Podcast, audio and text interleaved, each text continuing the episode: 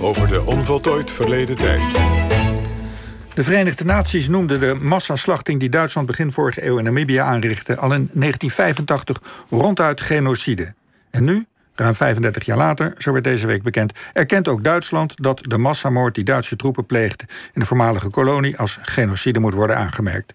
Is die erkenning een eerste en ook zinvolle stap? En wat gebeurde er eigenlijk precies 117 jaar geleden in wat destijds Duits Zuidwest-Afrika heette, nadat er in 1904 een zogeheten vernichtingsbevel was uitgevaardigd? Ja, we vragen dat aan journaliste Connie Braam en schrijfster natuurlijk van een prachtig boek over de opstandelingenleider tegen de Duitse overheersing in de tijd. Connie, goedemorgen. Goedemorgen. Duitsland erkent nu officieel dat de massaslachting een genocide is. Zo lezen we in allerlei berichten. Eh, wat houdt dat in, officieel erkennen in dit geval? Uh, dat houdt in dit geval in dat, uh, uh, dat er vanuit Duitsland dus nu officieel naar de gebeurtenissen wordt verwezen als wat zij waren vanuit het hedendaags perspectief genocide. Dat is de officiële verklaring. Ja. En het, nou goed, daar hebben ze 117 jaar over gedaan om deze, deze wollige volzin te, te formuleren. En ja, ik, ik vind het wat teleurstellend en ook een beetje dubieus eigenlijk. wat is er dubieus aan? Nou, dat, dat, uh, vanuit dat hedendaags perspectief. De, dat, um, de, dat, dat er dus, ja, het wekt toch een beetje de indruk van alsof er toen geen volkerenmoord was, alsof er toen anders tegen aangekeken werd. Ja, dat is een beetje wat je in de politiek ook steeds hoort, hè? met de kennis van nu. Ja, ja, ja. Dat, ja, ja, ja. Nou, en dat is dus, ja, dan wordt er gewoon geappelleerd aan het gebrek aan kennis bij mensen in het algemeen. Want wat, wat, deze, eh, wat deze zaak, deze gebeurtenissen, zoals het nu genoemd eh, wordt, eh, betreft, was er destijds in 1904 ook gewoon al, eh, al, al, al, ja, waren al flinke protesten. In Duitsland zelf, internationaal. Vertel eens eigenlijk waar we het nou precies over hebben. Hè? De, de gebeurtenis zelf, je, je refereert er al aan. In het huidige Namibië, toen een Duitse kolonie. Wat, wat, wat is er eigenlijk toen gebeurd wat nu eindelijk een genocide mag heten? Ja, er is, nou, het, het, het begon natuurlijk niet in, in 1904. In, 1884, na een conferentie, kreeg de Duitse keizer... wilde ook ontzettend graag een kolonie hebben. En dat ging natuurlijk allemaal om grondstoffen. En dat uh, heeft ertoe geleid dat er dus in, in 1884 een, een moment kwam... dat de inwoners van uh, Namibië erachter kwamen... dat ze in een Duitse kolonie woonden. En, en het is vanaf het begin eigenlijk wel zo geweest... dat de Duitsers zich heel, ja, hoe zou ik dat zeggen, schandelijk gedroegen... tegenover de, de inwoners van uh, wat toen Zuidwest-Afrika werd genoemd. En daarmee is ook direct het verzet gegroeid. En dat verzet dat nam allerlei vormen aan. Maar in ieder geval was het tot grote woede van de Duitse keizer... die zijn eerste grote koloniale leger stuurde... om dat verzet met harde hand neer te slaan. En het groeide uit tot een, tot een gewapende conflict van zowel de Herrero's als de Nama's, de twee zeg maar, de volkeren waar het hier uh, om gaat.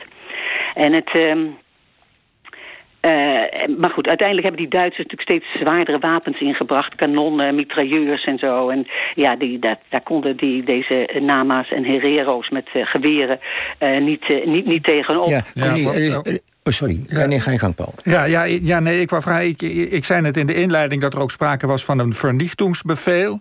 Ja. Um, dat, dat, dat klinkt, hè, dat, uh, dat roept associaties op aan de Tweede Wereldoorlog, zou ik maar zeggen. Ja. Uh, ging het ook echt zo ver? Ja, zeker, zeker. Op een gegeven moment werd generaal von Trotta uh, werd gestuurd vanuit Duitsland. En die had gewoon dit uh, vernietigingsbevel. Kijk, waar het om gaat uiteindelijk is dat ze... ze wilden gewoon dat het... kijk, als die bevolking zich mak had gehouden... en gewoon zich tot dwangarbeid had laten had gevoegd... dan was er geen probleem geweest. Maar deze mensen kwamen dus in opstand. En waar het om ging is dat ze uiteindelijk van deze mensen af wilden. Ze wilden ze gewoon uitroeien om het land vrij te maken voor Duitse boeren. En dat, uh, er moesten zoveel mogelijk... Ja, het ging natuurlijk om levensruim. Dat is in Duitsland natuurlijk een heel lang een uh, populair onderwerp geweest. En het, het, het ging erom om zoveel mogelijk land in dit, dit, uh, dit rijke Namibië te krijgen voor, voor Duitse boeren. Zijn er ook, daarom, zijn er ook cijfers bekend, aantallen? Hoeveel mensen zijn er uiteindelijk omgekomen? Ja, het is natuurlijk een heel dun bevolkt uh, gebied altijd geweest. En uh, ja, laat ik zeggen, de grove schattingen zijn dat er van de 80.000 herrero's zo'n 65.000 omgekomen zijn. En van de 20.000 nama's ongeveer de helft. Dus het is wel, of iets meer, ja, ik denk dat cijfers hoger liggen, maar goed, het, het doet er ook niet echt toe. Het, het, meer dan de helft van de, van de bevolking is, is omgebracht. Ja, het percentage is echt gigantisch. En in het, het huidige Namibië zijn die ook een minderheid, hè, die oude volkeren. Uh, ja, ja, ja dat, dat, dat, zou ik, dat weet ik niet. Met, met elkaar denk ik dat dat toch wel allemaal opweegt. Het zijn allemaal Namibiërs, zo, moet, je het, zo moet je het zien. even, even nog dit, je zei net, uh, in 1904 waren er ook in Duitsland al Duitsland al geluiden te horen van protest tegen dit optreden. Uh, want je denkt natuurlijk meteen, een land wat de holocaust heeft gepleegd... daar moet toch al eerder dan in pak een beet 2021 geluiden gehoord te zijn geweest van... we hebben iets gedaan wat eigenlijk niet kan. Ja, natuurlijk. Het was, het, terwijl het gaande was eigenlijk al. Er waren dus de, de, de, de, de zendelingen, de, een paar goeie die daar ook zaten. Journalisten trouwens. De Duitse parlementariërs, August Bebel in de Bundestag. Die tekenden heftig protest aan tegen dit alles. Maar dat, uh, ja, dat is gewoon uh, een beetje weggesneeuwd. Uh, ondergesneeuwd geraakt natuurlijk door andere gruwelijke misdaden... die begaan zijn in, in, in, in, in de rest van de, van de, van de 20e eeuw. Ja. Dus het, uh, en het, maar goed, het is altijd op de agenda gebleven. En het is ook een beetje, ja, het, het, is nu na zes jaar onderhandelen is dit eruit gekomen. En dat, uh, ja, het is, ik, ik vind het een beetje beschamend en, en treurig. En ik word eigenlijk steeds kwaaier over. Ja, er is een bedrag van 1,1 miljard genoemd, hè? Ja. Als, als, als, als herstelbetaling of zo? En hoe moeten we dat zien? Nee, nee, nee, nee, nee. nee. Daar, daar gaat, al, alles gaat er maar om. Kijk, die, die Duitse president Steinmeier... die gaat ook geen excuses aanbieden... maar hij gaat vergiffenis vragen. Dat is namelijk goedkoper. Want daar gaat het natuurlijk toch allemaal om. Kijk, als ze excuses gaan aanbieden... dan kunnen andere landen... waar Duitsland uh, uh, gruweldaden heeft uh, begaan... en dat zijn er nogal wat... die kunnen dan ook met compensatieclaims komen. Dus vergiffenis vragen is uh, voor een genocide... Uh, dat zou volgens mij geen, geen, juridische consequenties hebben. Dan kunnen de nabestaanden geen aanspraak maken op compensatie. En vandaar dat ze dus die 1,1 miljard... dat moet dus over 30 jaar, 30 jaar worden uitbetaald... aan ontwikkelingsprojecten. Moet je, weet je, de miljarden vliegen ons nu om de oren met de coronacrisis. Moet je nagaan wat een beschamend laag bedrag dat is voor zo'n gruwelijke misdaad. Mm -hmm. Ja, ja, Connie, we zijn nu heel verontwaardigd uh, over wat Duitsland allemaal gedaan heeft. Maar veel van die dingen die jij nu vertelt, ook ja. het moeilijk doen over excuses, het uh, angst voor herstelbetaling en zo.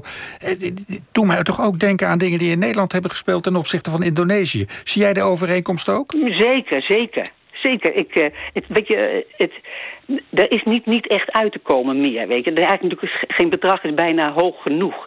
Uh, het is, er zou eens een keer, en, en dit is natuurlijk allemaal begonnen wat Namibië betreft in, in, in 1884 met die grote conferentie in Berlijn, waarin de westerse mogendheden, de westerse koloniale machten gewoon Afrika hebben opgesneden als een stuk taart, weet je.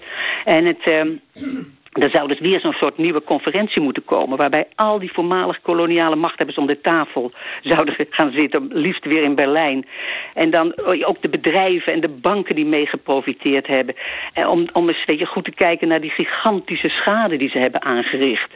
En dan, uh, ja, en, en van daaruit eens plannen maken van hoe, hoe kan dit weer recht uh, Connie, worden. dit is een briljant voorstel. We hopen dat het wordt opgepakt. um, die 1,1 miljard is dus een te klein bedrag zeg je. Um, ja. de, ik geloof dat de regering van Namibië ook heeft gezegd... het is een beginnetje en meer niet.